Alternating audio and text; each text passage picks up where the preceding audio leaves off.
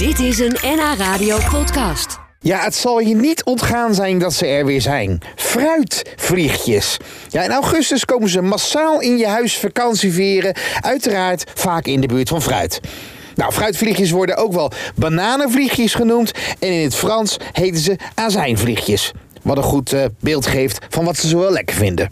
Maar hoe kun je ze nou het beste bestrijden? Luister eens naar Lokje de Vries van het Voedingscentrum. Heb je het? Het is toch raar, hè? Dan heeft een mens zulke grote handen. Dat fruitvliegje, nou, dat is nog een... Dat kan je niet eens... En dan nog heb je hem bijna nooit. Ja, weet hij toch weer weg te komen. Bizar. Hier. Nog een keer. Ja, nee, kijk. Oh, daar zit hij. Ja. Oh.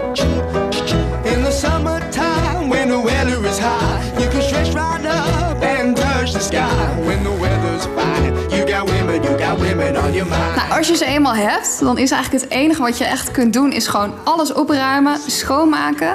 Zorgen dat datgene waar ze op afkomen... en dat is dus vaak eten. eh, dus vandaar dat er ook wel een link is eh, fruit, met hè? ons, met Ja. het voedingscentrum.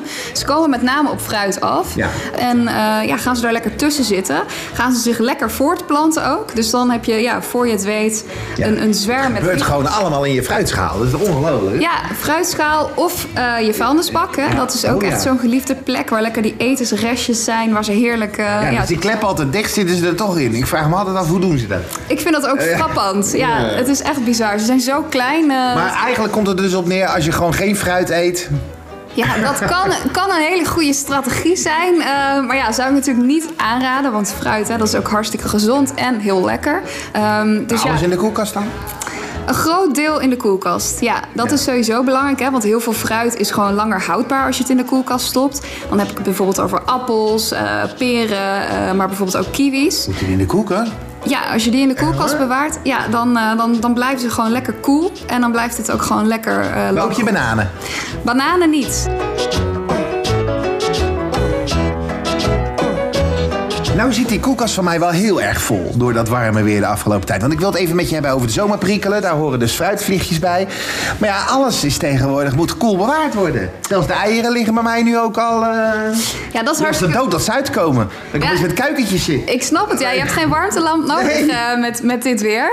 Ehm, nee, dat is echt eh, inderdaad waar. Maar die eieren, die moeten eigenlijk altijd in de koelkast, Sjoerd. Dus op zich ja. ben je nu heel goed bezig. En Ja. zou je dat ook... Altijd, ja? Altijd. Ook in de winter. Ook in de winter.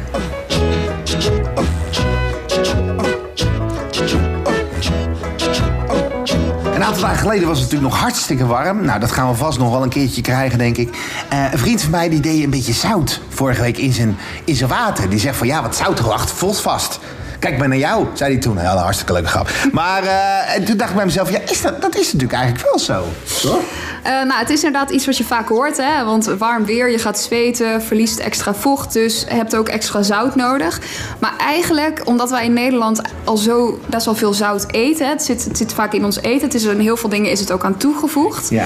ehm, is het niet nodig om extra zout bij te nemen. En 4 graden was het, hè, de koelkast. 4 graden. Da, da, da, yeah, we're happy. Da, da, da, da, da, dee, da, da, da, da. Dit was een NH Radio podcast. Voor meer, ga naar nhradio.nl. Radio.